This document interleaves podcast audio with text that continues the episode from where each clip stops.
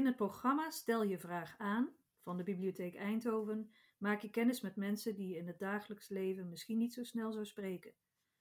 Via social media nodigen we je eerst uit om na te denken over wat je aan deze bijzondere mensen zou willen vragen.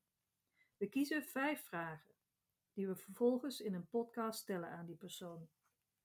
Misschien dat je na het beluisteren van de podcasts anders over hem of haar gaat denken dan daarvoor. Vandaag stel ik vijf vragen aan een heks. Ze vliegt niet op een bezemsteel rond, maar hoe zit het dan wel? Daar gaan we vandaag achter komen. Welkom. Ik begin maar meteen met de eerste vraag. En die is: Wat heeft je doen besluiten om heks te worden? Was het een roeping of een keuze?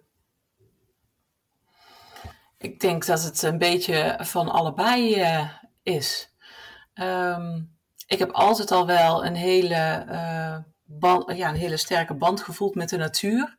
Uh, en alles wat daarin leeft. En, met, en van daaruit ehm, ben ik gaan kijken van wat, wat, betekent dat nou voor mij? En ben ik meer gaan onderzoeken.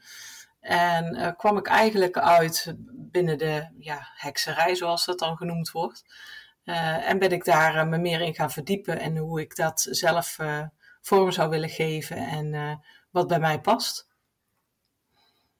Ja, dus het is zowel een beetje een roeping als een keuze. Ja, ja. Uh, de tweede vraag is: zijn er verschillende soorten heksen? Er zijn heel veel verschillende soorten heksen. Um, het ligt er ook een beetje aan hoe je het, hoe je het uh, zelf wil zien. Er is, er is geen uh, vast kader of, of een, een, een, een dogma of een, een, een, boek wat gevolgd wordt of regels of, of dat soort dingen. Uh, ieder is vrij om zijn eigen keuze erin te maken. Dus voor de ene hek zal het misschien echt een, een geloofsovertuiging zijn. Voor de andere zal het echt een, een, een levensvisie zijn of een leefwijze zijn. En ieder maakt daarin zijn eigen keuzes. En zo, zo is dat bij mij ook uh, gegaan. Dus ik, ik, maak mijn eigen keuzes daarin van wat ik wel oppak of wat ik niet oppak. Of wat, ik, wat wel bij mij past en wat niet bij mij past. En je hebt dus uh, ja, verschillende soorten heksen. Iedereen noemt zichzelf ook wel anders. Je hebt een eclectische heks bijvoorbeeld. Nou, die verzamelt van allerlei verschillende stromingen wat. En, en maakt daar een voor, voor zichzelf passend geheel van. er zijn heksen die meer richting echt de Wiccan-leer gaan. Dat is wel wat, eh, wat, wat meer uh, aan regels gebonden dan, dan de vrijere heksen.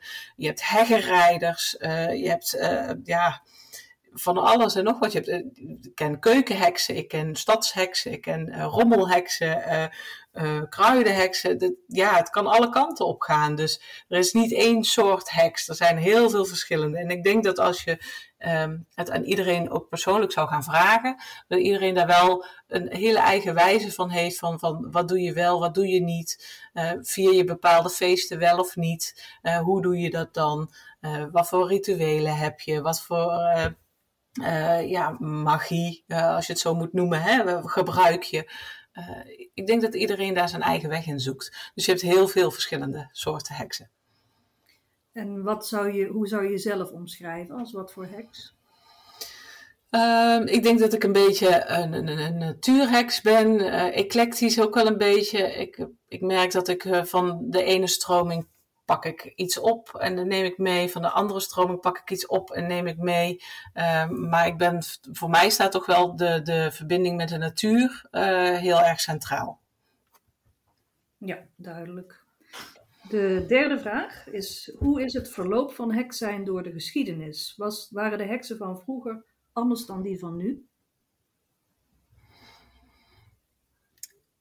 Ja, dat is ook weer een best lastige vraag, want het ligt er een beetje aan inderdaad uh, wat voor een, uh, hoe jouw visie is op heks zijn.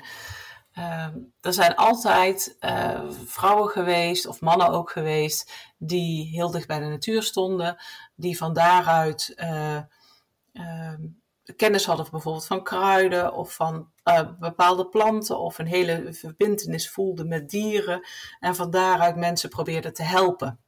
En uh, uh, dat kon dus ook zijn door uh, zelf in trance te gaan, of dat kon zijn door bijvoorbeeld bepaalde compressen te maken of bepaalde geneesmiddelen te maken. Maar dat kon op allerlei verschillende manieren zijn. En um, dat is het dus eigenlijk altijd al wel geweest. En door, de, door of dat zoveel verschilt met nu. Ik denk dat het nu veel, uh, dat het toen veel meer in uh, teken stond van de, van de gemeenschap.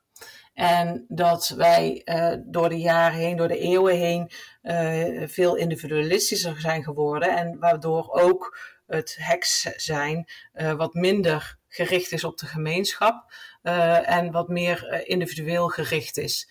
Wil niet zeggen dat er niet nog heel veel werk wordt gedaan voor de gemeenschap, of, maar dat is dan uh, niet meer zodanig dat je bijvoorbeeld bij mij aan de deur komt en uh, zegt van goh, ik heb hier en hier last van, kun je mij daarbij helpen? Uh, zo werkt het niet helemaal meer. Dus dat zal veel meer op een andere manier gebeuren. of niet meer. En dat het echt veel meer individualistisch is. Ja, dat heeft natuurlijk ook met de maatschappelijke ontwikkeling te maken. Ja, ook, ook. Maar ook met inderdaad hoe wordt er tegen aangekeken. Soms, ja, er zijn toch best wel wat vooroordelen. Zoals uh, dat het uh, kwakzalverij is. Of dat het allemaal maar zweverig is. Het, het, is allemaal niet bewezen. Het is, ja, er is nu heel erg binnen de maatschappij dat als het wetenschappelijk niet bewezen is, dan is het er niet. Of dan, dan heeft het geen recht van spreken. Of, en, uh, daarbij verliezen mensen wel eens uit het oog dat wetenschap ook alleen maar uh, uh, onderzoek is op dit moment met de kennis die je op dit moment hebt, met de middelen en de hulpmiddelen die je op dit moment hebt. Dat kan over een tiental jaar kan, kunnen dingen weer heel anders zijn. Hè? En dat zie je ook wel, dat binnen de wetenschap dingen telkens ook weer getoetst worden en dan dat er nieuwe, nieuwe ideeën over ontstaan. Dus en dat, ja, dat zie je wel natuurlijk, dat daar een beetje een zweem omheen hangt van um, ja, uh, kwakzalverij of zweverig of niet bewezen. En dus zal het dan wel niet waar zijn. Ja, ja, duidelijk.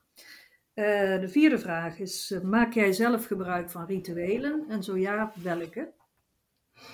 Ja, ik maak zelf wel gebruik van rituelen. Uh, ik vier onder andere de achtjaarfeesten. Dus dat betekent dat ongeveer iedere zes tot acht weken dan uh, is er een jaarfeest. Uh, en uh, daar sta ik dan bij stil en dat doe ik ook altijd wel door middel van een ritueel. Ehm, soms gebruik ik een ritueel wat al ook door anderen is gebruikt. Soms verzin ik zelf een ritueel wat bij mij past op dat moment. En die, dat pas ik dan toe. En los van de jaarfeesten uh, heb ik soms ook nog wel andere rituelen die ik ook wel doe. Uh, en, en dat is, ja, je kunt het vergelijken bijvoorbeeld met een kaarsje opsteken voor iemand die een examen heeft of die een operatie moet ondergaan. Dan zet je ook eigenlijk een intentie weg. Hè? Dat je hoopt dat het goed gaat met diegene, dat diegene gaat slagen, dat de operatie goed zal slagen en diegene goed kan herstellen. En daarmee stuur je eigenlijk positieve energie naar diegene toe. Nou, dat kun je eigenlijk dat, dat kun je dan zien als magie en dat kun je dan zien als een ritueel wat je doet voor diegene, want je besteedt aandacht aan die kaars, je steekt hem aan. Nou, dat soort kleine dingetjes kunnen dus al rituelen zijn. Ik, soms uh, uh, pas ik een ritueel toe met koken. Als, uh, als mijn vriend ziek is en ik maak een, een lekkere soep, een goed voedende soep, dat ik tijdens het roeren door de soep toch wel eigenlijk met de, de intentie in de soep stop door er tegen te praten of net hoe. dat, dat diegene maar snel beter mag worden. En dus ja, je hebt ook wat uitgebreidere rituelen. Als ik echt bijvoorbeeld um, met mijn voorouders meer in contact wil komen, wil kijken of zij mij een boodschap willen geven. Dan pak ik het wat uitgebreider aan. Dan uh, zal ik uh, de elementen, voor mij is dat dan de elementen, die zijn dan weer verbonden met de windrichtingen. die zal ik dan aandacht geven en vragen om aanwezig te zijn. En vervolgens vraag ik dan mijn voorouders of zij mij kunnen helpen met bijvoorbeeld een, iets waar ik mee zit of waar ik zie dat iemand anders mee worstelt. Eh, van hoe kan ik daar dan een bijdrage in leveren? En dan vraag ik dat en dan sluit ik dat ook weer af. Dus ja, ik maak wel gebruik van rituelen en op heel veel verschillende manieren. Maar wel altijd positief gericht, als ik het zo uh, goed Ja, altijd positief gericht. Ja, ja. Dan zijn we alweer bij de laatste vraag. En dat is: wat is je mooiste ervaring als heks? Een mooiste ervaring. Jeetje. Ehm, dat vind ik wel een lastige. Er zijn best wel veel uh, mooie ervaringen. Uh, er zijn ervaringen, hele mooie ervaringen die je alleen hebt. Door als je bijvoorbeeld een transreis doet en, en de boodschappen die je daarin doorkrijgt. Dat, dat, dat, daar staan er wel een paar van bij die mij ja, echt zo diep geraakt hebben en heel mooi vond.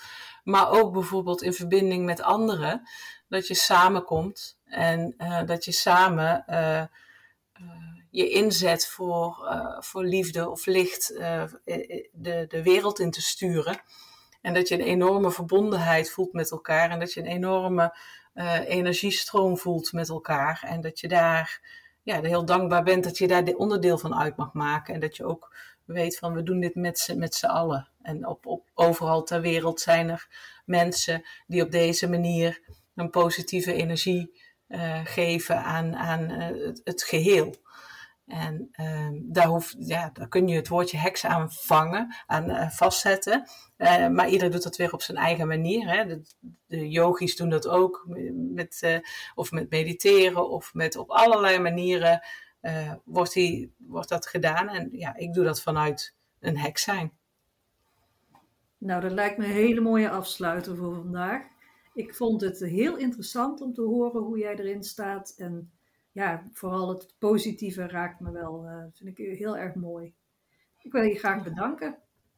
Ja, dankjewel dat ik uh, mijn woordje hier mocht doen. Nou, dan sluiten we hiermee af op een uh, fijne manier. Dankjewel.